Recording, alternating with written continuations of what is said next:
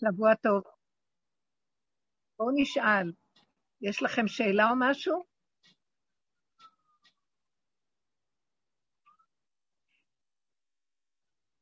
אין לכם משהו?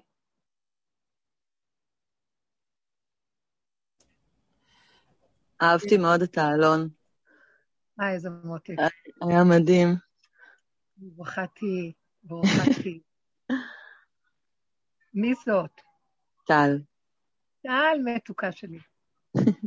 בנות יפות שלי מתוקות. מה אני יכולה לומר? אתן יודעות, תדעו לכם. אני, באמת, הדרך היא מובילה אותנו למצב שאני יכולה להגיד מהמקום ש, שאני חווה את זה, וגם אני חושבת שעוד בנות מדברות. התודעה של העם מתמוססת לי, אני אישה כמו שפעם, אני לא לוקחת ברצינות את העולם פה. המצב הזה פה הוא דמיוני, וחבל להתרגש ממנו, מרגישה יותר ויותר שהמציאות פה היא לא שווה התרגשות, היא לא שווה שייכות, כי זה לא מציאות אמיתית, יותר הפרטי, המציאות הפרטית היא יותר אמיתית. גם המציאות הפרטית, היא צריכה להיות רק שיש לי רגע אחד, והרגע הזה צריך להיות לי, שיהיה לי פה טוב. אם אני רואה שיכולה להיות לי מהרגע הזה איזה מצוקה מאיזה, בפרטי שלי, זאת אומרת, בסיבוב הקטן שלי, לא ברמה של השקפה, מדינה, רעיונות, אה, אה, פילוסופיית חיים, אידיאולוגיה, כל השטויות האלה, הכל נופל, אין, אין כלום. אין במה לאחוז בשום אידיאולוגיה, זה שקר, זה לא עוזר כלום. האידיאולוגיה היחידה שנשארה היא הורדנו את כל ענפי עץ הדעת לתוך הגזע והשורשים, וזה המציאות הפרטית של כל אחד ואחד, כי אין יותר מזה כלום. כל אחד באשר הוא. כי זאת האמת שכל כך התנכרנו אליה בכל הדורות, מאז חטא עץ הדת.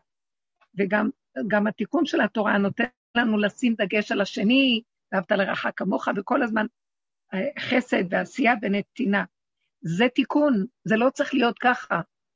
זה לא שאנחנו לא נותנים, אבל זה לא נתינה שהיא בגלל התיקון, היא נתינה מכורח הפרט, מכורח נקודת האמת הפרטית, שאם אני צריכה הרגע הזה לפי הסיבה לתת, אני אתן. זה לא צריך אפילו, זו מציאות שמסתובבת סביבי.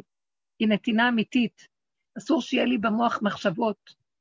אנחנו לא צריכים יותר לחשוב על אנשים ועל מציאויות. לבד קורה מה שצריך, מה שצריך להגיע עד אליי יגיע. אסור שיהיה לי מחשבות כלליות על uh, מצוות כלליות, כמו נניח ביקור חולים, רעיון. זה צריך להיות בפרט, ברגע שמגיעה לאוזניי שמועה ואני יכול לעשות איתה משהו, והסיבה מזמנת לי, שם אני יכולה לבצע מצווה. אבל אני לא רץ בגלל שהמחשבה מריצה אותי, אלא הסיבה והתנועה של הטבע הפשוט שלי. איך שזה ככה. וזה מצב שהבן אדם אה, נמצא בו ברמה יופ, פרטית יפה, שקטה, לא סוערת ולא מרוגשת, ולא מבולבלת עם המחשבות והדעות. והעולם הכללי מסביב נופל, כי אין בו ממש ואין בו כלום. הוא שקרן, הוא רמאי, הוא, הוא מדכדך מה קורה, לא קורה, מה קורה בכלליות. זה, זה דמיונות שמביאים עלינו רגשות ו, ומסעירים אותנו בלא כלום. יש מציאויות, תמיד היו מציאויות ותמיד יש בעולם מציאויות של כל מיני אה, ברוב השנים, ברוב הדורות, לא הגיע הדבר הזה לאוזני אנשים בגלל שלא היה יכולת לתקשר ולשלוח. ורק הקרוב אל האדם היה חשוב לו. אבל בסוף יהיה אותו דבר. נחזיר את כל המרחק הגדול שהמוח שלנו מטפס עד סוף העולמות, ונחבר אותו לכאן ועכשיו ולעצמיות שלנו. אם, אם מרימים את המוח אה, ומתבוננים, הכל מאכזב. המציאות של העולם, אה, אי אפשר לצפות ממנה ולסמוך ממנה, אי אפשר מכלום. אפשר ברגע הזה, בנקודה הזאת, לשמוח בנקודה ששייכת לי, מה שאפשרי לי. אה, גם כשאני מגיעה לאוזניי איזו שמועה על דבר טוב מרחוק, גם זה לא, זה לא אמיתי שאני שמחה, אני שמחה רק אם הדבר קשור אליי, ככה זה צריך להיות, וזאת האמת. או שכשאני שומעת על משהו רחוק, אני גם לוקחת את זה מעצמי, שאני שמחה שאם אני במקום הזה, אז גם לי טוב. זאת אומרת שכל העולם הולך לדרגה של צמצום לפרט, וכל המעגלים הגדולים והרחבים של דעות, רעיונות, אידיאולוגיות, חברות שיישמו כל מיני אידיאולוגיות אה, בכלל, זה הכל שקר. זה, זה כביכול יכול להיות בהם רעיונות של אמת, אבל שום דבר לא החזיק מעמד כש, כשזה נשאר בתודעה של עץ הדת שהיא כללית, היא מדומיינת והיא גבוהה.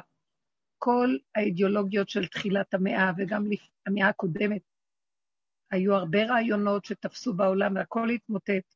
רעיונות שנחשבו רעיונות נאורים, אבל האדם הוא רק מדבר, רק יש לו רעיונות, הוא לא יכול לממש את זה. אה, גם המציאות של המדינה היא מציאות, אנחנו לא יכולים לממש.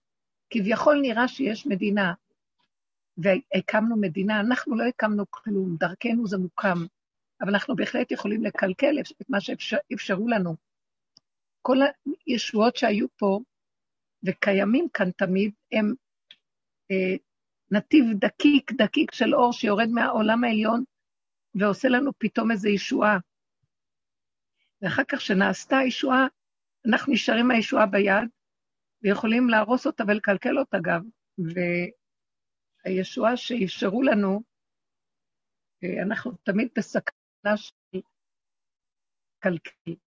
כן, הפתרון ואין מציאות אחרת, רק להידבק לנקודת הפרט ולהישאר בו, והעולם הוא לא שלנו, הוא של בורא עולם. אני יכולה לתת הרבה דוגמאות.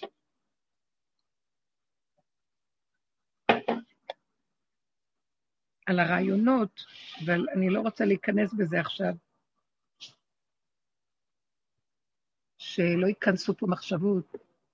למשל, בכל המלחמות שהיו כאן, בוא נגיד 67, שהייתה מלחמת, מלחמת 67, שכבשו כאן הרבה שטחים ואזורים של ארץ ישראל, גבולות ארץ ישראל, שבעליל זה היה ניכר שהיה כאן השגחה ניסית שפתחה בזמן כל כך קצר מרחבים, שטחים שהם בעצם עם ישראל קיבל נחלות ממה ששייך לנו מטעם ההבטחה האלוקית של אברהם אבינו, פרשת מטות מסעי ופרשת לך לך, הגבולות הרחבים,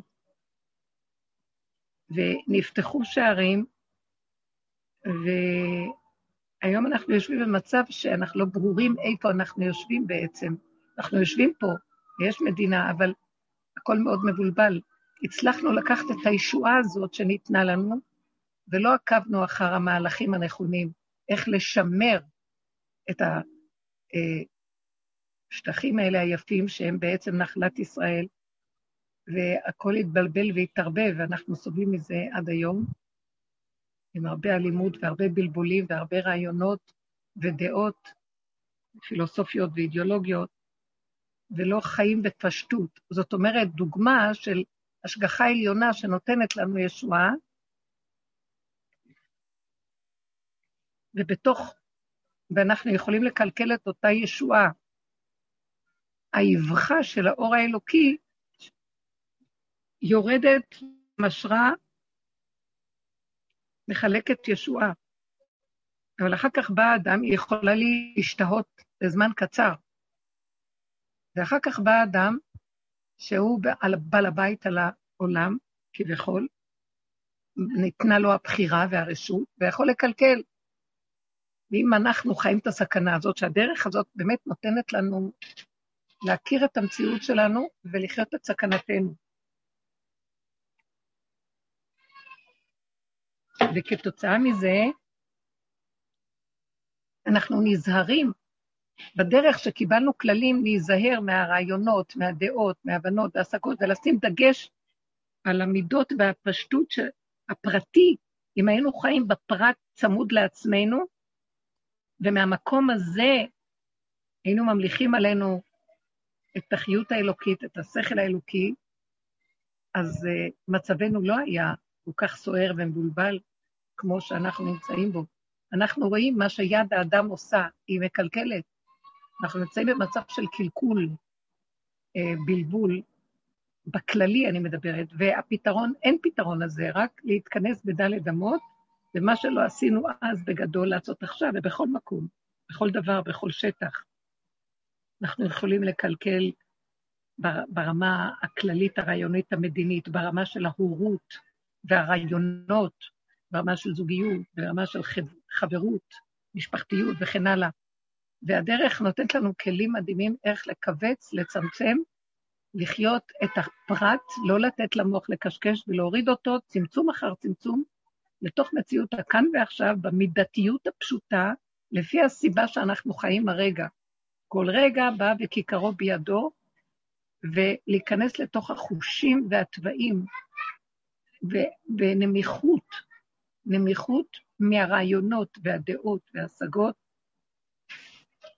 והצמצום הזה שאנחנו לוקחים את החלקים שלנו ונכנסים פנימה, אה, מאפשר, זה מאוד משפיע על העולם. גם הם, אנשים גם יתחילו לעשות את זה. אה, אותה דוגמה גם של האור שירד בזמן הקורונה, שאנשים לקחו את זה וקלקלו עם זה הרבה, ובלבלו, הרבה בלבול. זה כל הזמן יורדים כאן נקודות של אור בכלל, ואפשר, אם היינו חיים ברמה של הדרך, בפרטיות, בצמצום, אז הכלל שירד עלינו, הכלל הוא מבורא עולם. הכלל, האור הכללי, התיקון הכללי הוא מבורא עולם. אבל כאשר המוח של עץ הדת גונב אותו, האור הזה נותן ישועה, אבל המוח של עץ הדת אין לו מעצמו כלום, אין לו, הוא גנב, הוא חקיין, הוא חי על חש... הוא טפיל, אז הוא לוקח את הישועה ומתרחב ומקלקל. וכשאנחנו חיים את הסכנה, אנחנו מצמצמים את עצמנו לנקודת הפרט, אז יכול לרדת הכלל עלינו ולהשפיע עלינו טובות וישועות. ואז יש לנו אפשרות להשתמש באור הזה ולעשות בו דברים טובים ברמה פנימית, שקטה, קטנה. באמת, באמת, במציאות האמיתית, אין כלום. גם זה השקפה, מדינה. מילה מדינה זה השקפה. אני נותנת דוגמה פשוט, נתתי אותה כי זה השקפה, אז יש מדינה, או קהילה, או... המוח מסדר את זה, ואז אנחנו חיים עם הרעיון המוחי, ושמים את הרגליים במוח, ויש קהילה, ואנחנו חיים בקהילה. אדם, באמת, זה לא ככה, הוא חי את הרגע הזה של עצמו כאן, ואין לו כלום, יש לו הרגע. יש לו נשימה כאן ועכשיו. אם עוד אחד מבני הבית מצטרף, עוד אחד ועוד אחד, יכולה להיות משפחה, אבל המשפחתיות היא לא אני עושה אותה, היא נוצרת מזה שכל אחד ואחד חי בפרט שלו, ואז יש כוח המחבר שמחבר את כולם, והוא יכול להגיד משפחה. כשאדם אומר משפחה, הוא כבר הולך לאיבוד. נכון שיש כזה דבר, הוא יודע, ברעיון הכללי יש רגע אחד שאני יודעת, יש משפחה. אבל אם אני חיה כאילו משפחה, משפחה, משפחה, משפחה במוח שלי, ואני משקיפה על המשפחה, ומי אמר כך ומה עשה כך, ולמה לא עשו, כן עשו, ושזה לא בסדר כאן ולא בסדר שם, וכן כל מיני דברים במחשבה, אז המשפחה, משפחתיות מתקלקלת. אותו דבר זוגיות, אותו דבר מדיניות. יש מדינה, יש מקום שהוא מכיל את הכלל, אבל זה, זה אילוזיה, זה, זה, זה וירטואלי, זה רעיון. יש כזה רעיון, ויש יש כזה דבר ברעיון. במציאות, תמיד, במציאות יש רק אני כאן ועכשיו.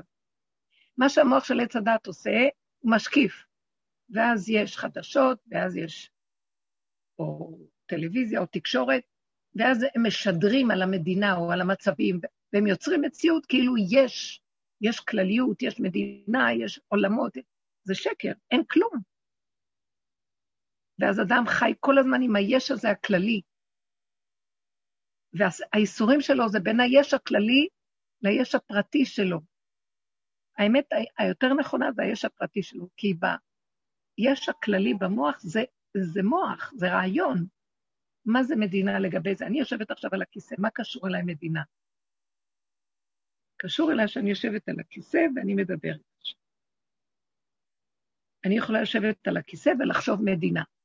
אז אני יושבת וחושבת מדינה, מדינה ויש מדינה, וכך אזרחים, תושבים, ויש... מה אמת פה? זה שכל של אמת אולי. יש כאן רעיון, אבל אין כאן אמת. האמת היא כאן ועכשיו.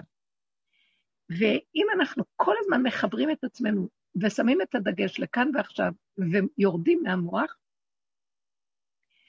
אז אנחנו עוזבים בעצם את הכלליות לכוח עליון יותר שיודע להכיל את זה. ו... וכשהוא מכיל את זה, מה שיודע להכיל, זה החלק שלו, אז הוא משפיע טובה ברמה הזאת. אני לא יכול להיות במקומו. תודעת עץ הדת משקיפה, היא מחריבה עולם.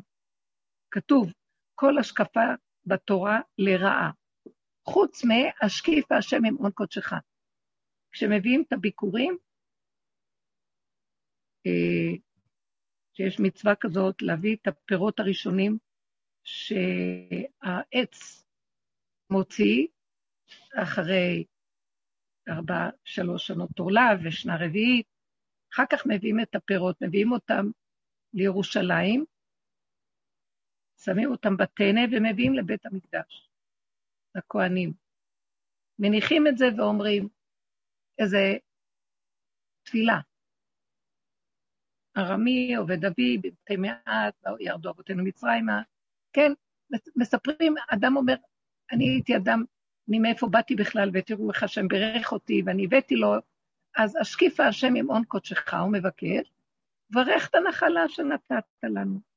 ברך אותנו, מניח את הסל, מביא את זה כדי להתברך, מביא את זה, וכשהכוהנים אוכלים אז הבעלים מתברכים, והעולם מתברך ונהיה שפע וטובה בעולם.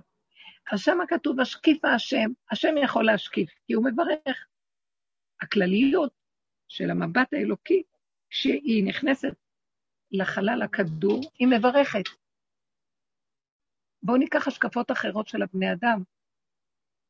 כתוב, וישקף אבימלך מהחלון, שהוא ראה את יצחק משחק עם רבקה, פרשת תולדות אולי. אה, ואז הוא לקח את יצחק, את, אה, ואז הוא כעס עליו, עליו כאילו, כעס על יצחק, ששיקר לו, שהוא אמר לו שהיא אחותו, כי הוא פחד שבני המקום ייקחו אותה, כמו היה עם אברהם אבינו. אז היה מצב מסוכן מצד אבימלך, שהתנקם ביצחק אבינו. כתוב, וישקיפו המלאכים על סדום, וישקף אברהם על הכיכר, נאות הכיכר. כל השקפה כזאת זה חורבן. הם הביאו חורבן לעולם בהשקפה שלהם. השקפה אה, היא כוח, זה הכוח הכללי, שהוא רק הכוח של אלוקות. גם מלאכים אינם אלוקות, הם שליחים של האלוקות. בכל אופן, ההשקפה היסודית האמיתית היא מתאימה לסוג אחר של מוח, לא למוח שלנו. על כן, מה ברצוני לומר בעצם? שאנחנו מתקרבים עכשיו לעידן בן דוד, משיח בן דוד. הוא כבר פה, ברור. המציאות שלנו היא איך להכין את הכלים כדי להתייחס לאור הזה שבא דרכו.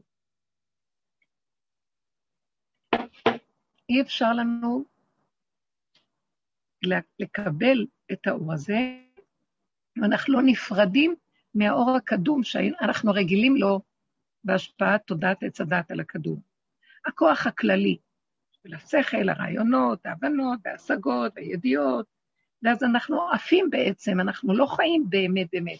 הכוח של בן דוד הוא כוח של לב, מידות, אה, ריכוזיות, נוכחות, ערנות, דריכות, חיות של כאן ועכשיו. מקום של... אין שם ריחוף, אין השקפה. יש השקפה קלה, אבל היא לא השקפה, כלומר, אם רוצים להמחיש איזה דבר, יכולים לתת עוד דוגמה ועוד דוגמה ועוד דוגמה. יש לו שכל כזה. כמו ששלמה המלך היה חכם והיה נותן הרבה דוגמאות על כל עיקרון ועיקרון. אז השכל הזה קיים, אבל זה לא איך שאנחנו חיים. אנחנו חיים ברעיונות ואידיאולוגיות. על כל דבר יש לנו דעה, ואנחנו מתווכחים על הדעות, ומעורבים רגשית בליבה של הדעה, ויכולים לשנוא, ויכולים גם להרוג על דעות, מלחמות של מדינות שלמות והנהגות של ממשלות, בגלל הדעות והרעיונות, הורגים. כל מלחמות הדת של הנצרות, האסלאם, דתות שונות, שהם בשם הרעיונות הרגו. הסכנה היא מאוד מאוד גדולה של הרעיונות. זה הכיליון של, שקיים תמידית בכדור הארץ. וכלום, זה החורבנות שכאן כל הזמן יש, שהבני אדם על ידי השיטות והרעיונות מחריבים את מציאותם. מאחורי אפילו בדור המבול, או בסדום, או דור הפלגה, דור אנוש. דור אנוש היו להם רעיונות פילוסופיים ברמה של השכל. ואז כאילו, בא אוקיינוס ושטף את היבשת, את רוב היבשת. שליש, שני שליש מהיבשת, לא זוכרת, שליש, נשטף. מה זה יבשת? הארץ הייתה אז יבשה אחת, לא היה שבע יבשות. אחרי זה, במבול, הארץ התפרדה לשבע יבשות. כל החלק המערבי לא היה בכלל בעולם, רק החלק המזרחי הקדום. אה, דור, דור המבול, הם קלקלו במידות, אבל היה להם אידיאולוגיה מאחורי המידות. איך הם קלקלו במידות? היו להם רעיונות מדוע אה, להחליא חיות שונות, חיות במינים שונים, הנדסה גנטית, מה שנקרא, כדי להרשות לעצמם כל מיני גילויי עריות וכל מיני חמאס וגזל, אז היו להם שיטות רעיוניות מאחורי זה, ואז השיטה הצדיקה את ההתנהגות, וכך החריבו את עולמם. בא המבול ושטף את העולם. דור הפלגה גם כן. היה להם רעיון מאוד גדול, לשלוט בעולם, לשלוט כדי לקבל כוח, ממון, שלטון, הון, כבוד. ואז הם העמידו אידיאולוגיות. למה זה מאוד חשוב שיהיה להם שלטון ביד? וככה הם החריבו את מציאותם ונהפכו לקופים. מגדל בבל. בלבול, בלבול וערבוביה. השם בלל את דעתם ושפתם. וכן בכל הדורות. גם בא עם דעות, והוא הצדיק את הדעה שלו. לא היה לו בסיס של הפרט, הוא הלך על הכלל, רעיון כללי גבוה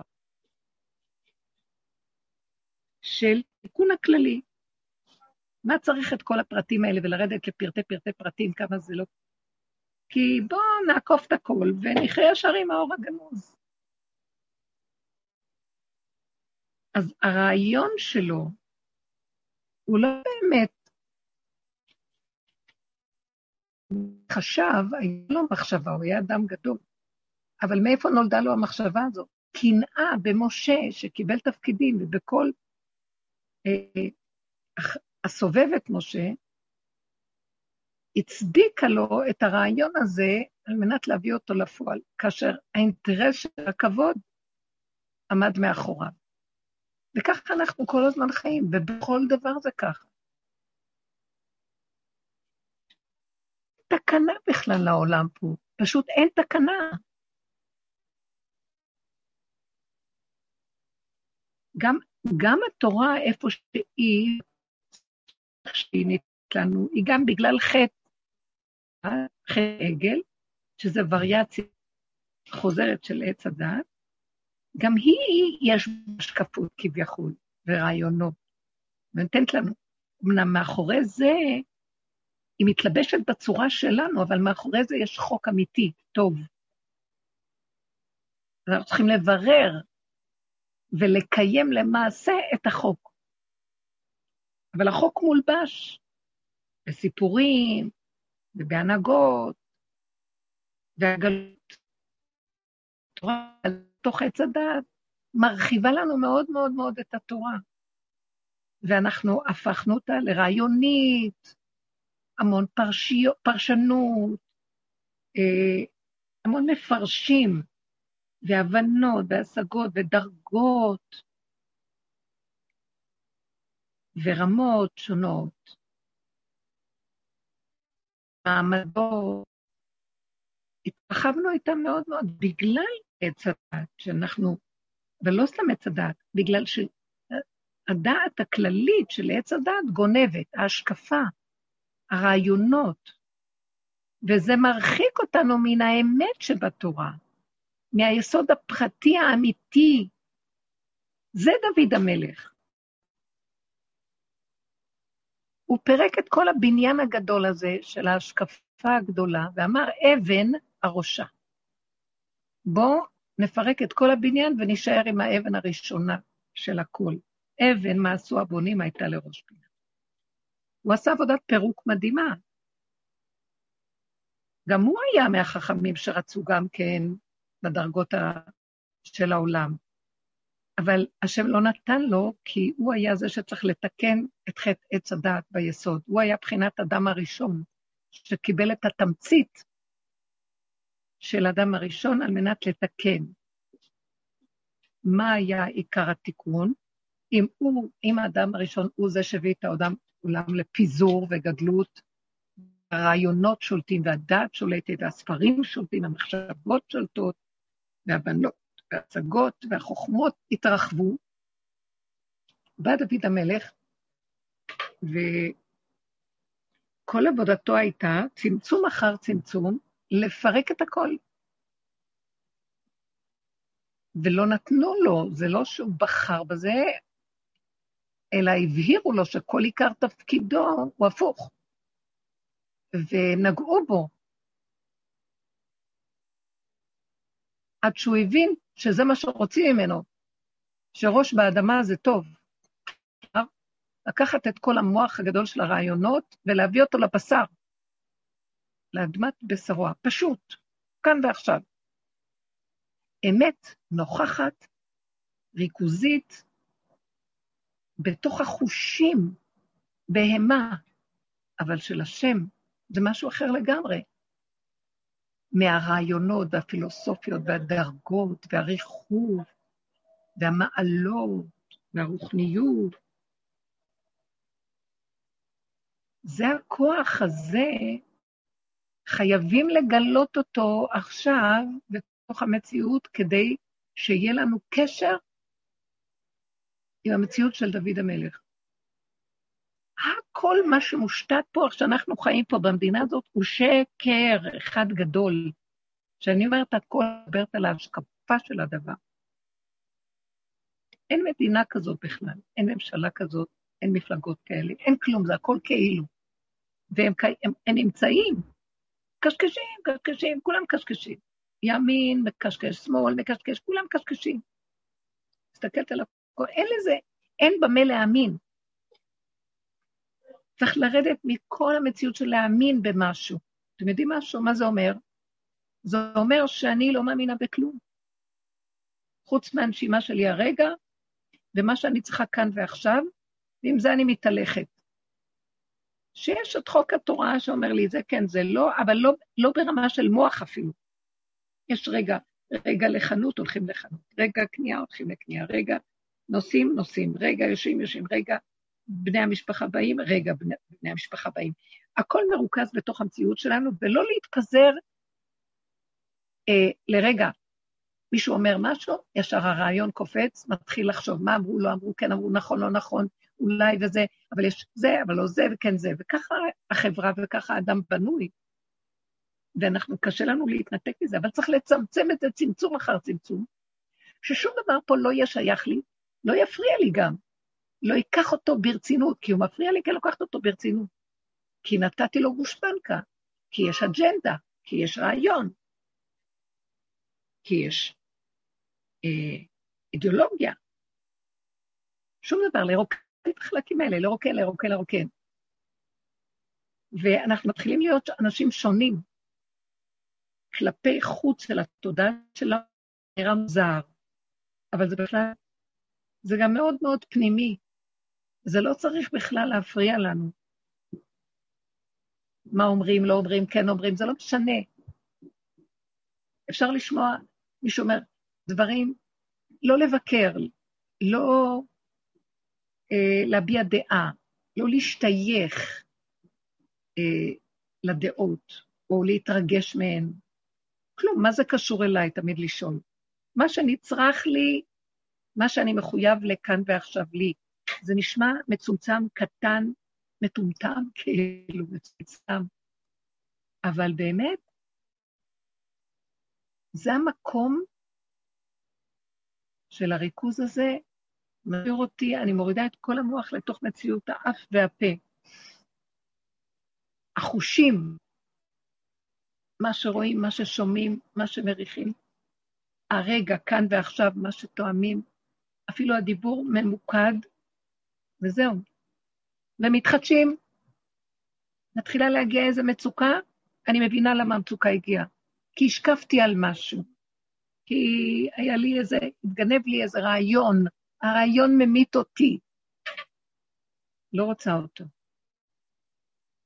אז תודעת בן דוד היא לא נותנת את המקום הזה. היא לא מוכנה. היא לא יכולה להכיל את המקום הזה, גדול עליה, כי הוא קטן, דוד הקטן, הוא חלקיק. והחלקיק הקטן הזה, רק לא מצפה השם להתגלות. כי כל השאר גונב גדלות. והוא מכיר את יסוד, יסודו האמיתי, שהוא קטן ומתבטל, ועוד פעם, ומתבטל, ועוד פעם, ואין לו מעצמו כלום, גולמי מאוד, גבולי מאוד, גבולי מאוד. הוא לא יכול להכיל. המוח מכיל, הוא גנב גדול, כביכול מכיל. מכיל מלשון כולל, הכל. לא יכול להכיל כלום, אי אפשר להכיל. כמה עבודות עשינו על הכלה, על איפוק, בתודעת עץ הדת שהיה לנו כוח, אז נתנו קונטרה, כי יש כוח לגנוב, אז גם יש כוח לקחת מהגנב ולגנוב לכיוון ההפוך ולנסות להכיל. אבל כשמגיעים למקום של בן דוד, למקום הזה של הצמצום, אין כוח לכלום. ואדם חי מוכרח המציאות, ברמה של מוכרח המציאות, בעל כורחו. רגע, רגע, רגע, וזה טוב מאוד, כי אדם כזה, הוא חייב להיות קשור עם אנרגיית החיים, הוא מפחד שהיא תתחלק לו, תתחמק לו, הוא יאבד את החיות, אז הוא כל הזמן חייב לחזור לנקודה של עצמו. הוא, יחל, הוא מתייחס לסובב שלו, מאוד, בסדר, אבל לא מתרחב. טיפה הוא מתרחב על משהו, הוא ירגיש איתות, מצוקה ויפסיק. זה נותן חוזק הלב, מידה שם הנהגה חדשה. על, על הדבר הזה מתגלה הנהגת השכינה. האור החדש חייב את המקום הזה. עכשיו, במקום הזה שמתהלכים, אין השקפה. אדם כזה יחשוב מדינה. אפילו אם רגע הוא חושב, זה רק רגע. זה לא יכול להישאר אצלו הרבה זמן בגדר של רעיון שמתקבע לאיזו מציאות דעתנית, ואז הבן אדם חי עם רעיון. הוא שוכח שזה רק רעיון. אנשים יושבים ומתחים ומתנצחים, ורעיונות, דעות, ממשלה, לא ממשלה, אין כאן שום דבר. אין כאן שום דבר. אה, האמת היא נר לרגליו של יסוד דוד. הכל מצומצם, קטן ונקי, והוא, דוד המלך, מראה לנו בתהילים שלו כמה הוא היה חייב כל הזמן לבורא. כל הדיבור שלו היה, כל הזמן חיפש אותו. הוא היה גבולי, הוא לא יכול להיות אחרת. הוא היה דרוך וערני, אז הוא כל הזמן דיבר את מציאותו. כי הוא לא יכול היה להכיל אותה, לשתוק ולרחף איתה ולברוח ממנה להרחבות של העולמות. דיבר, כי הוא לא יכול היה להכיל, אז הוא היה עצבני, הוא דיבר, הוציא, הוא תיאר, הוא הסביר, הוא אמר. וזה היה החיות שלו, מעצמו לעצמו. התהילים שלו הם עכשוויים, הם לא נראים ברמה גבוהה של איזה רעיון נעלה ונשגב, אבל כולו כמו אש ממללה, רוח ממללה שמדברת והיא חיה את הדיבור שלה. פרקי תהילים לא נחמדים בכלל, של קללות. תהי אשתו אלמנה ובניו יתומים, נועה נבונה ודרשו. ינקש נוקש אשר לו, ויאכלו זרים יגיעו, אל יהי לו משך חסד ואל יכונן ליתומיו. תהיה אחריתו לאחרית עמך. משהו לא נורמלי. לא אכפת לו. זה מה שהוא מרגיש, אז הוא אומר את זה. הוא רצה משהו לעשות, אז הוא אומר, הוא נשבע. אם, אם הוא רצה לבנות בית המקדש, עלה לו הרעיון, כי הוא היה אדם של יסוד הנצח. נצח הם אנשים שהם קשורים לעניין של בית המקדש. ואז אז הוא התלהב ואמר, הוא נשבע אם הוא יעלה על ערש יצואיו, אם הוא ייתן שנת לעיניו, לאפה פנומה, עד אמצע מקום למשכנות אל, עד, עד שאני אגיע למקום שאני אמצא איפה המקום שצריך לבנות את בית המקדש. זה לא היה ידוע אז, כי היה אוהל שילה, היה משכן שילה, ואז גם משכן שילה התפרק, לא ידעו איפה. אז הוא על ידי הרצון שלו, אז הוא היה התלהב, אבל אמיתי, זה לא היה רעיון. הוא ידע שיש מצווה כזאת, ועשו לי משכן, לשכ... לשכנו תדרשו, ובאת שמה, תדרשו איפה המשכן שלו, איפה המקום. כי יש מצווה לבנות לו במקום שהוא יראה לנו, אנחנו לא יודעים איפה. אז הוא ישב עם שמואל הנביא, והם עבדו ולמדו שניהם ביחד. עמלו וטרחו. אבל הנקודות שהוא מדבר הן אמת, מוציא אותן לפועל, הוא חי איתן, הוא תוסס, הוא כאן ועכשיו. הוא לא משאיר אותם בגדר דעות וריחוף ורעיונות. זה עכשיו מה שאני רוצה לומר, שכל הסבל והייסורים שלנו זה בגלל הרחבות והמוח והבלבולים שם, וההרהורים, ואנחנו מאמינים לזה, ואז יש התרגשות. אני רואה רגע אחד, אני יכולה למות מכאבים, שאיזה רעיון אחד תופס אותי, והוא מכניס אותי לאיזה סחרחרה, ואני לרגע שומעת אותו ויכולה להאמין לו, ובשנייה אני יכולה... ואז אני אומרת, חס וחלילה, חס ושלום, אין אמת, אין כלום, לסגור, אין אף אחד, אין כלום, אין דמיונות, זה דמיון, אין שום דבר, בכלל. פס על המוח, לשים פס, טיפקס. ונעלמת המצוקה, כן. רבנית, כתבת בעלון באמת על הנקודה הזאת שאת מדברת, ש... שה... אה, מאז, מאז שהלבנה נענשה, אז היא התמעטה ו... וירדה למקום הכי נמוך, כביכול איפה שאנחנו נמצאים גם, עם השם. אה, אבל זה, זה, זה, וכתבת שזה זה כבר אה, לפני עוד הבריאה, במילים אחרות, כן? שזה משהו ש...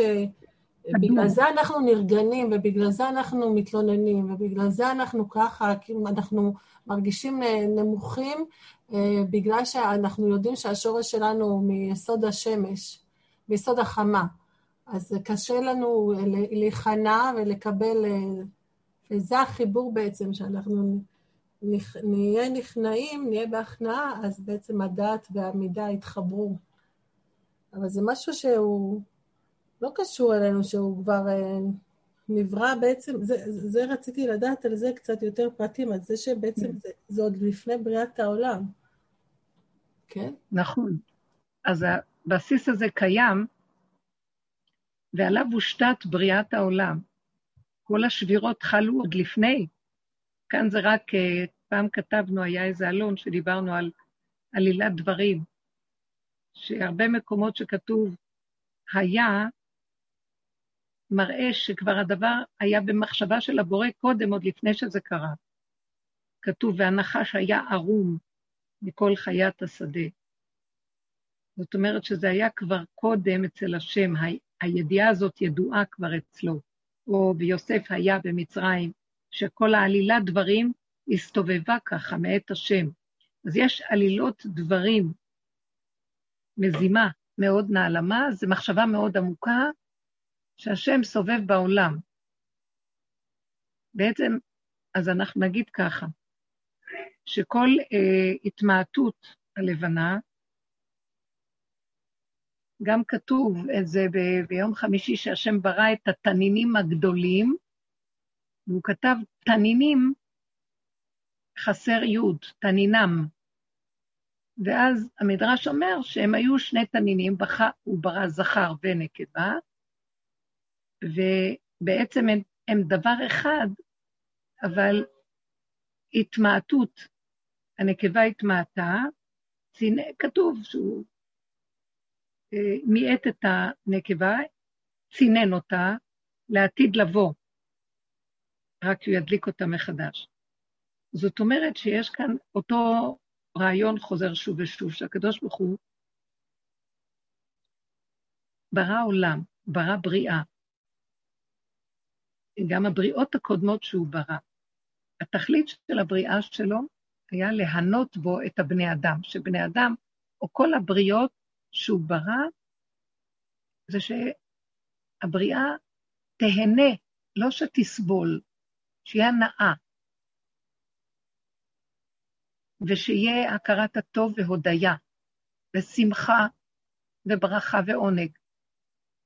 אבל כל הרעיון שלו, שזה יהיה ככה, צריך לבוא בתנאי אחד, בסיבת הנבראים בעצמם. כלומר, שהנבראים בעצמם יביאו את עצמם לשמחה הזאת, להכרת הטוב הזה, להודיה, להנאה. לא יקבלו בחינם. זאת אומרת, השם, ברעיון הכללי של הבריאה, התכלית הייתה זה שכולם ישמחו ויתענגו על העולם. אבל שהתכלית הזאת תתקיים על ידי עבודת האדם ולא לחם חסד. ואז לצורך זה שתהיה עבודת האדם והוא ישיג את המטרה הזאת, אז הוא נתן את יסוד הבחירה. אז הוא עשה דבר והיפוכו, התמעטות, מה שנקרא, וגדלות. אז הוא אמר לה, לכי מעטי את עצמך, כדי שאפשר יהיה לרדת עם ההתמעטות ולעבור את כל תהליך ההתמעטות והקטנות וכל הצער שיש בזה, שהלבנה הייתה חמה. כתוב ביום רביעי שהוא ברא את שני המאורות הגדולים. אחר כך, מיד אחרי זה, את המאור הגדול לממשלת היום, המאור הקטון לממשלת הלילה. אז בהתחלה כתוב ששניהם היו גדולים, ואז המדרש אומר, איפה נעלמה הגדלות פה של אחד מהם? אחד גדול, אחד קטן, זה ההתמעטות, שהוא מיעט אותה, שזה לא התחיל מזה שהוא ברא את העולם, אלא עוד לפני הבריאות הקודמות, בתוכנית של הבריאה. אז כל זה היה כדי לקיים את תכלית הבריאה, שיהיה גדלות ויהיה התמעטות. עכשיו, זה קשה, יש גדלות, יש התמעטות. מה נעשה? אנחנו, עם ישראל, אמר לנו, אתם, האומות, ילכו אחרי הגדלות. אתם, עם ישראל, תלכו אחרי הקטנות. דוד הקטן, שמואל הקטן, עם ישראל הקטן, אתם המעט מכל העמים, לכו, אתם תלכו עם הקטנות. אתם תקימו לי, תקיימו לי את, את התכלית שבראתי את עולמי, שבראתי את העולם ליהנות ממנו, אבל על ידי בחירת האדם ועמלו, על ידי זה שהוא ישיג את זה, שהוא ייהנה, הוא יביא את ההנאה והוא יביא את העונג לעצמו. ואז, איך הוא יביא את זה? על ידי עבודתו. איך? שהוא ילך עם הקטנות, והקטנות מרגיזה, בייחוד שיש רקורד קודם, ורשימו קודם של גדלות, ואז יש גלות מהגדלות. יש התמעטות, כשיש התמעטות זה אור עמום, יש חושך, יש צער, אין בהירות, ואדם לא יודע מה לבחור, יש לו ספק, יש לו בלבול, זה כל עץ הדת נכנס לתמונה כאן. ואז האדם נכנס בתוך זה, הוא מסתבך עם זה, אבל השם רחמן, הוא גם נתן לעם שלו תורה, ונתן להם חוקים טובים, ואמר להם, תיזהרו. בתהליך של התיקון ושל החשיכה והקושי, אני אתן לכם כללים שיעזרו לכם ויחזיקו אתכם, שלא תלכו לאיבוד. אז כל עבודתכם היא בעצם צמצום אחר צמצום. להתמעט. על מנת, על מנת, על מנת שבסוף תחזרו לגדלות. אבל כבר הגדלות תהיה מתוך עבודתכם על הקטנות. זאת אומרת, אתם צריכים להיות, להביא את עצמכם לקטנות של קטנות של קטנות של קטנות. בחושך גדול, ואם לא תישברו בחושך הזה, ואם בחושך הזה לא תתייאשו, ואם לא תתבלבלו מהעולם של הגדלות, ואם לא תלכו אחרי השקר והסרק, אז בסוף תגיעו לגדלות האמיתית. מהי?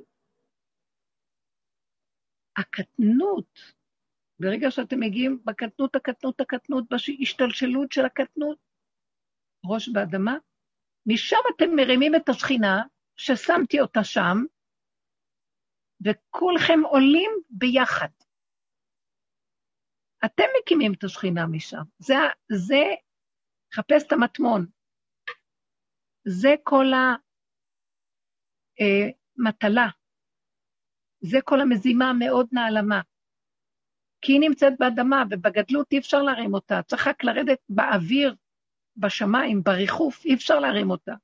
צריך לרדת מהמחשבות, מההשקפות, מהגדלות.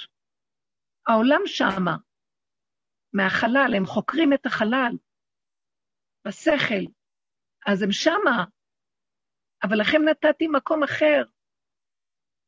כל המצוות וכל הגזרות וכל מה שיש שם, גדרות, סייגים, כללים, כל כך הרבה צמצומים יש בתוך המציאות היהודית, האמיתית. עד שהבן אדם מגיע לתכלית פנימית, וזה לא קל. ועם כל זה, אם הוא נשאר שם ולא מתבלבל, זה בדיוק מה שאנחנו מדברים עכשיו, והשאלה ממש מאת השם שמה לך אותה בפה, להמחשה. אם אנחנו נוריד את כל המוח המרחב ולא נלך לאיבוד כמו שמה שעץ הדת מפתה את היהדות כל כך ללכת רחוק בדרכי הגויים ודרכי החשיבה ודרכי השכלה ודרכי השקפה ורעיונות ואידיאולוגיות, כל האיזמים למיניהם. יהודים עזבו את דרך היהדות ונהיו משכילים ונאורים. והתפתחו כביכול, ונגנבו, ושכחו את יסוד ההתמעטות, וזה מה שאמרנו בהתחלה, שאחרי ההתמעטות הנוראה של מה שקרה גלות, או נגיד האינקוויזיציה בגלות ספרד, אחר כך גלות אירופה והשואה, חזרנו מדולדלים ברמות של כלום לארץ. הקמנו כאן מדינה, עוד לפני כמובן, מדינה, היו כאן התיישבויות. אבל הראש שהרמנו, השם עושה כאן ישועות, כי יש כאן את העם שלו, והוא אוהב אותנו, ועברנו כל כך הרבה התמעטות וגלויות, מה נשאר מאיתנו? שרידי חרב, פליטי מלחמה, ובאנו לכאן. והכל כאן ניסים בקיום שלנו, אבל יש כאן הנהגה שגנובה. זה לא חשוב אם זה ימין או שמאל, זה לא משנה, הנהגה שאין לה, האלוקות שמה מוסתרת, והאידיאולוגיות והגדלות והגניבה מתרחשת, ויש כל הזמן, כל פעם הוא בא עם איזה נס אחר לעזור לנו, והכל נגנב שוב, ומתבלבל שוב. והעם היושב בציון סובל. ואנחנו לא מבינים שאנחנו צריכים, וזה המסר, להפסיק ללכת בכיוון הזה. לזרוק את כל המוח הזה, וההשקפה, והמדיניות הזאת, והמפלגות, והרעיונות, וה... לא שייך לנו, לא שייך לאנשי אמת. הם צריכים לחזור לצמצום הנכון, ולראות איזה חיים טובים יש בתוך הצמצום. אנחנו מקימים את השכינה מתוכנו. ומתקיים בנו התכלית שהשם רצה, שנתענג על עולמו. מה חסר לי אם אני זורק מהמוח את הפוליטיקה, למשל, או מה קורה במדינה? לא רוצה לדעת. אני לא שמה ראש באדמה. אני כל הזמן צועק שם, אני, אתם, כולנו. אני מדברת על האדם שהולך ככה. ריבונו של עולם חי וקיים, הנשמה לך והגוף פה לך. אתה זה שמנהיג כאן את העולמות. אתה תשמור עלינו. העם היושב בציון, שארית הפלטה. מה נשאר מאיתנו? לא רוצים לסמוך על שום הנהגה. אני לא רוצה להאמין לשום הנהגה, גם שהחמאס יתקיף, זה יתקיף, זה לא משנה. זה הכל שלך, אני מחזירה לך את הכל. אתה תשמור עלינו, כי אין כאן כלום. רק אתה. אין לנו יכולת אחרת. תן לנו לקיים, תן לנו לצאת מצער הגלות, שזה ההשקפה והגדלות. הצער הוא דמיון, בואו נפרק את כל הדמיון, גם החושך של ההצטמצמות, צמצום אחר צמצום, זה חושך דמיוני. בגלל שלעומת האור, כביכול במרכאות, של עץ הדת שהיינו רגילים לו, ונכנסנו לדרך הזאת, פתאום סגרו עלינו את האידיאולוגיות, את המחשבות, את העולמות, את הכל, ונשארנו מצומצמים בתוך עבודת המידות, לראות את הפגמים של עצמנו והקלקולים, ונשברנו מזה. אבל קמנו ועוד פעם ועוד פעם ועוד פעם, עד שלמדנו לא להישבר מכלום, ורק לעשות צחוק מהכל כי אין שום דבר, ועבדנו עבודה על עבודה על עבודה, בתוך המידות בשורשים, רק העיקר לרדת מהדעת ומהעץ הזה של המוח, נכנסנו בשורשים של המידות, שזה המנגנון של העץ הדת, ופירקנו, אנחנו מפרקים אותו שם, ובסוף אנחנו צוחקים על הכל, אין כאן כלום, אין שום דבר. תהנה. תודה לך, השם, על הקיום פה בכלל. תודה לנשימה, תודה שיש מה לאכול, תודה שאתה מחזיק אותנו, תודה לילדים, תודה על כל דבר, רק להודות, להודות, להודות. ואין מוח בכלל, אין להרים את המוח להשקיף. הגענו לתכלית של מה שהשם רצה מאיתנו. שאנחנו נהיה כל היום שמחים, כמו ילדים קטנים. אני מרגישה שהדרך הזאת, בצמצום הגדול מביאה אותי, שם אני פוגשת את המקום הזה של דוד המלך, שהוא רק משבח את הבורא, אחרי כל המלחמות שלו כמובן. בהמות הייתי עמך, מה אני מבין? מה אני יודע? השמיים, אני מסתכל ומתבונן, איזה בריאה מופלאה, השמיים מספרים כבוד כאל ומעשה ידיו מגיד הרקיע, יום ליום יביע עומר ולילה ללילה יכבד דעת. אין עומר ואין דברים בלי נשמע קולם, וואו, הבריאה מדברת, הכל מופלא. עזבו הנהגות, עזבו פוליטיקות, עזבו שקרים, עזבו שיטות. מה? זה הכל העיתונות יוצרת, הקומוניקציה וכלי התקשורת, הרעיונות, הדיבורים החברתיים וההבנות וההשגות שלהם, כל המאמרים והזה שנכתבים בזה, שטויות, אין כאן כלום. יש רק נשימה להכיר את היופי של הבריאה, קרוב קרוב אליך הדבר מאוד, בפיך או בלבבך, לעשותו, תושיט יד, והכל מגיע עד אליך בשקט. טיפה של, בא לך משהו של מצוקה, תבין שיצאת מהגדר ותמחוק, תזרוק, אין כלום. מי שרוצה להתווכח, שיתווכח. מי שרוצה לריב, שיתקוטט עם עצמו. מי שרוצה לחלוק, שיחלוק עם עצמו. מי שרוצה לעבוד כמו חמור, שיעבוד כמו חמור. שחררו את העבדות, שחררו את השקרים, שחררו את הצורה החברתית הכללית הזאת, שהיא מכתיבה לנו צורת חיים, היא שקר. לא חייב. ברגע אחד, בתוך עצמנו אנחנו משחררים את הכול. לא רוצים ולא חייבים. מינימום מה שאני מחויב פה, בעל כורחי. מינימום. אפילו נגיד, הולכים למכולת. המחירים עכשיו עלו הכל מאוד מאוד. אה, לא לחשוב. לא לחשוב, עכשיו אני צריך זה וזה, עכשיו זה וזה. לא להשקיף, איך העלו את המחירים, איך הכל יקר, איך הכל זה. זה לא קיים. בשנייה אחת השם נותן לי מה שצריך. נתן לי את הצורך, נתן לי את הדרישה לדבר. הוא גם מספק את הדבר שצריך, נקודה שקט, עד אלינו בכבוד. לא ליילל, לא להיות נרגן, לא להשתהות במחשבה לחשוב מדי, לא להצטער, לא לכאוב. ככה, ילדים עקשנים וקשים, הרפו מהם, תחיו בתוך עצמכם, בתוך שמחה, הילד יראה את זה, הוא מרפה. זה לא שאתם בורחים, אתם לא בורחים, אתם פשוט לא מוכנים לאבד את אנרגיית הדריך, העכשוויות בעבור שקר, או מידה קשה של ילד או כל אדם אחר, עקשנות. לא לתת משות, כלום, לנעול ולהתכווץ, לנעול ולהתכווץ. הסובב משתנה, הוא חייב להשתנות, אין לו ברירה. כי אחרת אין לו קשר איתך, אז שלא יהיה לו. אתה אומר, לא צריך. אתה לא, אתה לא, עם האנרגיה הזאת לא מתאים לי. אדם קובע, הוא יוצר מציאות. הוא חי את סכנתו, חי את גבולו, ומתחבר בהכרת הטוב לבוראו. איזה חיים טובים. הנה מתקיימת תכלית כוונת הבריאה והיצירה, שהשם ברא את עולמו, שיהיה לנו טוב, ועל ידי הבחירה שלנו והעבודה שלנו. זה התכלית של הסוף. בדורות האלה מגיע הכל לסיומו. זה כבר ימות המשיח, זה מתחלק לימות המשיח. כבר האווירה והאור של בן דוד נמצא פה. אבל אם נקפיד על הצמצום הזה ונעבוד איתו, אנחנו מתקשרים אליו ויונקים מהאור הזה, מקבלים חיות ממקום אחר, כדור חדש, אור חדש על ציון תאיר. שמיים חדשים אשר אני בורא, ארץ חדשה אשר אני עושה. הכל כאן מתחדש, וזה חיים אחרים. כאן, בתוך המציאות שלנו, אנחנו מתחילים לגאול את המציאות. אני לא מוכנה ללכת עם המציאות שמישהו אחר יוצר לי אותה. לא, זאת הבחירה שלנו. אין. אין.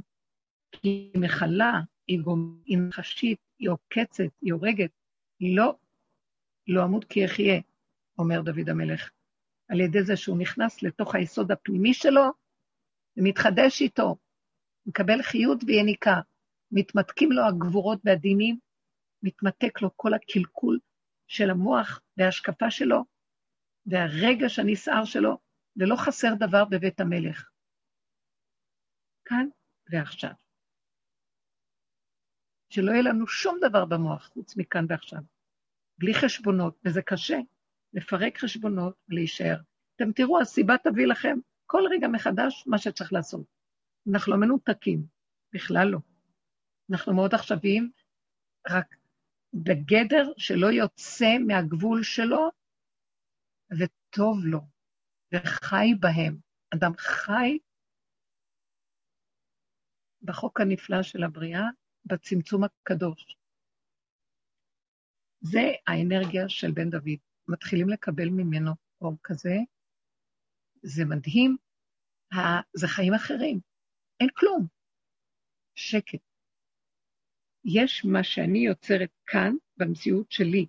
האדם יוצר את חייו ואת מציאותו. הבורא נתן לו רשות, מה אני בורא ואתה בורא. אם הוא אמר, השם יתברך בכוונת היצירה, שאני בראתי עולם כדי להנות אותך בו. הנה כל המרכיבים. התנאי הוא שאתה תהנה מתוך המרכיבים שנתתי לך ותיצור את העוגה. שתהיה לך טעימה, שתהיה לך בריאה, שתהיה לך מהנה ומועילה. אז למה לי להסתבך עם עוגות של אחרים והנהגות של אחרים שלקחו את המרכיבים, והם מובילים אותנו לאבדון, הם לא מובילים. אני נותן להם את הכוח, הם יובילו אותי, אני לא נותן לזה את הכוח, למה? היסוד הוא שייך לנו, זה, זה בן דוד. הוא מחזיר את הכל ליסוד הפרטי שלו, ומזה הוא מגלה את בוראו. מהיחידה הפרטית שלו, ששוכנת בתוכו, עמוק עמוק בשורשים שלו, בגזע החזק, זה לב, זה מטה קדוש, זה הוויה קדושה בתוך החיות של הכלים הקדושים, הטבע הקדוש. זה קדושה, בן דוד הוא קדוש. זה חיים אחרים. קדוש מלשון פרוש. הוא פרוש מתודעת עץ הדת, לא רוצה אותה, לא רוצה לחיות איתה. מתוך תודעת עץ הדת הוא גאל את עץ החיים, כי זה, אותה, זה אותו עץ, רק זה בענפים המתפרדים ובסבך של היער, וזה בגזע, בשורשים, בצמצום, בחוזק, בקו האמצע, פנימיות. אז כל התכלית של מיעוט הלבנה היה כדי בסוף, הוא בכוונה עשה את זה, השם יתברך, מזימה מאוד נעלמה, עלילת דברים, כדי שיתבצר הבחירה והעבודה איך להתמעט, יחד איתה, לרדת. ומתוך המקום הזה לרומם אותה ולהעלות אותה, וכמה זהירות אנחנו צריכים, כל התהליכים שעברנו, לא להישבר ולא להיכחד ולא למות מרוב צער, כי זה שקר, אין שום צער ואין כלום. וזה קל להגיד את זה בסוף, אנחנו עברנו גלויות איומות, וזה לא שאנחנו דור אחר והם עברו. בתוך כל יהודי יש את כל הדורות. ודור הולך ודור בא, אומר הארי הקדוש, אותו דור שהלך הוא אותו דור שבא. והכל כלול בתוכנו. ואנחנו על בשרנו חרוט הכל. והסוף מגיע, אחרי כל האיסורים, טיפש מי שעובר כל כך הרבה, ולא עושה גבול לסבל ואומר די, אלא הולך לאיבוד עם זה. די. די זה גבול שאמר לעולמו די, שם שדי, שאמר לעולמו די. שם מתגלה הנהגה אלוקית, עם גבול. הגבול מאוד חשוב. זה מה שהמחלוקת קורח עם משה רבנו, קרח, עם, הוא חלק עם עצמו, רוח, לא עם משה. משה רבנו, אחרי שבירת הלוחות, הבין שהאור הגנוז חמה, גילוי האור, שורש של החמה, יותר גבוה מהחמה. לא ייתכן, רק על ידי שנלך בהתמעטות כי חלה כאן שבירה, ועכשיו יש הרבה שברים וחלקים, חלקים, חלקים, חלקים, פיזור.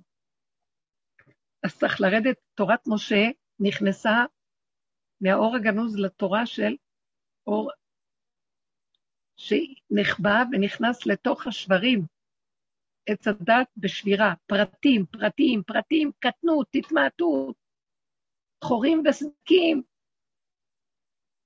ועכשיו, מעכשיו, התיקון הכללי צריך להיכנס בפרטים, ולהתהלך בכללים, בהתמעטות, והצמצום, והחושך והגלות. בא קורח ואומר, אז, בראשית הדורות, למה צריך את כל זה? הנקודה הכללית, יש בה הכל, אז בואו נלך על התיקון הכללי כבר עכשיו ונגמר הסיפור. בית שכולו ספרים, פותר את המזוזה. טלית שכולה תכלת, אז בשביל צריך פתיל אחד של תכלת, היא פותרת, לא צריך. הוא רמז על הנקודה הזאת. מוישה רבנו אמר, לא, רק הפתיל יהיה תכלת, פתיל אחד, שיורד עד למטה. פתיל התכלת הוא ארוך מכל הפתילים. מזוזה, פרט אחד, לא כל הבית מלא ספרים. נכון שבעיקרון מלא קריאת שמע, בכל הספרים יש קריאת שמע, בכל הפרשיות שכתובות, הכל בסדר. אבל תכניס את זה לפרט, בצורה הזאת, בכיוון הזו, במצווה הזה. זה ההורדה של האור הגנוז, עשרת הדיברות, שתי הלוחות לתוך פרטי פרטי פרטי פרטי פרטי פרטים, פרשיות וחלקים ופסוקים, ומפה לשם, וטלטולים, ו-42 מסעות במדבר, מדבר העמים בכל הדורות. מ"ב מסעות, מלשון מוב, מוב, move, לזוז. כן, אבל הכל כדי שנגיד, אה, נגיע עד להשתלשלות של הפרט של הפרט של הפרט, בחורים ובסדקים של החמץ. ואז מרוב חורים וסדקים וחושך, הפך כולו לבן טהור. אז אתה יכול להגיד, אין כלום. יש את האור הכללי, אין כלום. כל הפרטים גם לא קיימים, כלום לא קיים. אין כלום. יש את הפרט הקטן, אבן. האבן הזאת הופכת להיות לעיקר שיש בה הכול. גילינו את השכינה, הרמנו אותה, ועכשיו היא תתגדל. והיה אור הלבנה כאור החמה, ואור החמה שבעתיים. כל המעלות יתחילו לעלות בהתאם.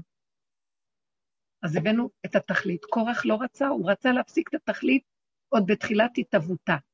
כי הוא רצה כבר את התיקון הכללי כבר בסוף, בהתחלה, לפני שנעבור את הכול. הוא לא רצה להיכנס לבור החשוך הזה של ההתמעטות. בסוף הכניסו אותו לבור. נפערה האדמה והוא נכנס לבור. הם היו אנשים צדיקים ואמיתיים. אבל מה? הנגיעה של הכבוד הוליכה אותו שולל, וכמה זה קשה, הוא היה אדם בעל רוח הקודש, הוא היה אדם עשיר וגדול, צדיק. זה קשה להבין את הדבר הזה, שהשם לא ינסה אותנו. ככל שאדם גדול, יצרו גדול ממנו. אבל סוף הדורות, צריך להיזהר מהגדלות פחד מוות. פחד מוות. ולבקש מהשם קטנות התמעטות, כי זה דמיון. הוא נכנס לדמיון של הגדלות. משה רבנו, וכל האנשים סביבו, והתפקידים שמשה נותן לאהרון ולבניו, ומה איתו, גם הוא היה ממשפחת יצהר, חשובה, בני קהת, מה, לא פשוט. מטועני אהרון, זה לא דברים פשוטים. קיבל תפקידים חשובים, אבל התפקידים של האחרים, הוא הסתכל, הוא השקיף, הוא רדף אחרי המחשבות שלו, והוא נפל לבור נוראי. פחד מוות. דוד המלך מסמל את הלבנה בהתמעטותה. הוא הסכים להתמעט ולהתמעט ולהתמעט ולהתמעט ולהתמעט, עד שהוא הגיע למדרגה שאמר, חטאתי נגדי תמיד, כולי התמעטות אחת גדולה, פגימות הלבנה, פגם. אני קטן, קטן, קטן. בהמות הייתי עמך. ואני בר ולא אדע. דוד המלך היה צדיק, הוא היה חכם גדול. הוא היה אחד מראשי הסנהדרין, אבל הג... הדרגה הכי גבוהה שהייתה לו מכל המדרגות, שהוא היה גיבור חיל ומה לא, מכל המדרגות שהיה לו, היה קטן. זו המדרגה הכי גדולה שידע איך לחיות עם הקטנות ולהביא אותה לתכלית הנרצית, להקים את השכינה. ולהישאר במקום של הכרת הטוב והודיה. ולקיים את התכלית שבסוף השם בעולמו, שמהאדם עצמו יתגלה כל הברכה. שלמה המלך היה התוצאה של דוד, זה לא משנה, כתוב ברק קראה באבואה. הבן הוא הירך של האב, הוא המשך של האב, זה אותו דבר. אז שלמה המלך קיבל את המהלך של השלמות הנפלאה שהתגלתה, חוכמה, עשירות, מלכות, יופי, פאר והדר שלא היה כדוגמתו, וזה מסמל את מה שיקרה אחר דוד המלך בעבודה של ההתמעטות והיחידה והאבן שמעשו הבונים. בסוף יבוא הגילוי הנפלא של שלמה המלך, אור הלבנה כאור החמה. כתוב שבזמנו של שלמה המלך, 14 שנה, לבנה לא הייתה בהתמעטות, הייתה כל הזמן מלאה.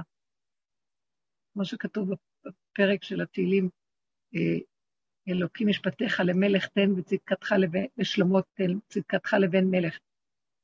אז כתוב שם, ועד בלי ירח. זאת אומרת שהירח לא התמעטה,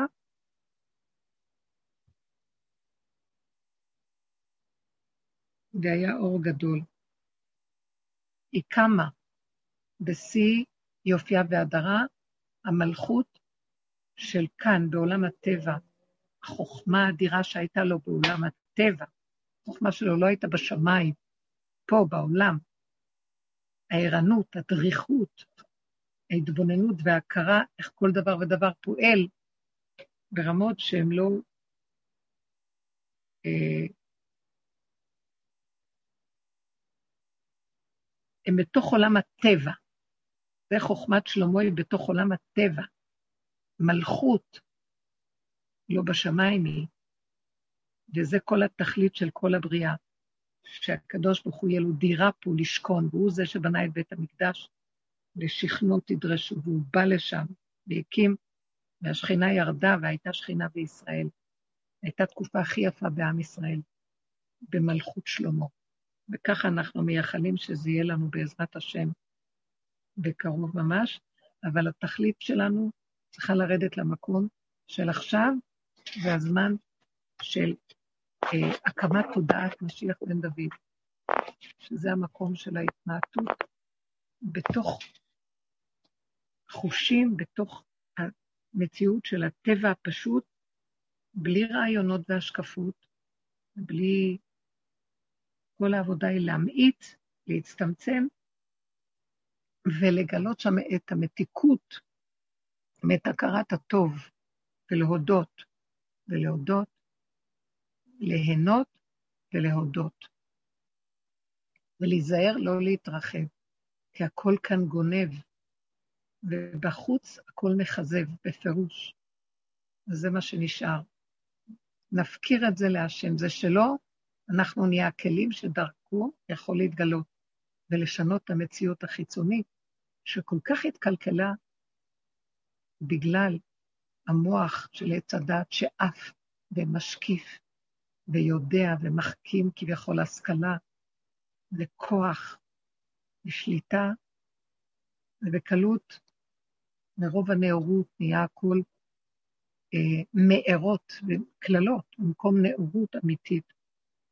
נהיה כמו קללה, חס ושלום, השם ישמח את ליבנו ויעיר את עינינו להתהלך בפשטות, כמו שאמר דוד המלך, כי לא הילכתי בגדולות ונפלאות ממני, אם לא שיוויתי ודוממתי נפשי, כגמול עלי אמו, כגמול עלי נפשי. וזה המקום שאנחנו מצפים ומייחלים להיכנס בו במקום החדש. זה לא סותר שנעשה דברים, זה לא סותר, סותר שנמשיך עם תפקידים שאנחנו פועלים, אבל כל הזמן להכניס אותם ליחידה, לצמצם, משם לצאת, משם לצאת ולשם לחזור. וזה התכלית של גילוי האור הקדוש הזה. שמה שם יתחיל לקום איזה אור חדש מדהים שמשמח את הלב, ויש בו חוכמה מדהימה. שבוע טוב ותודה רבה לכם. שבוע טוב, הרבנית. שבוע טוב לך לי, שבוע טוב יקרה, שבוע טוב לכולנו, כל הבנות היקרות. שבוע טוב, תודה. שבוע טוב, שבוע טוב לרבנית.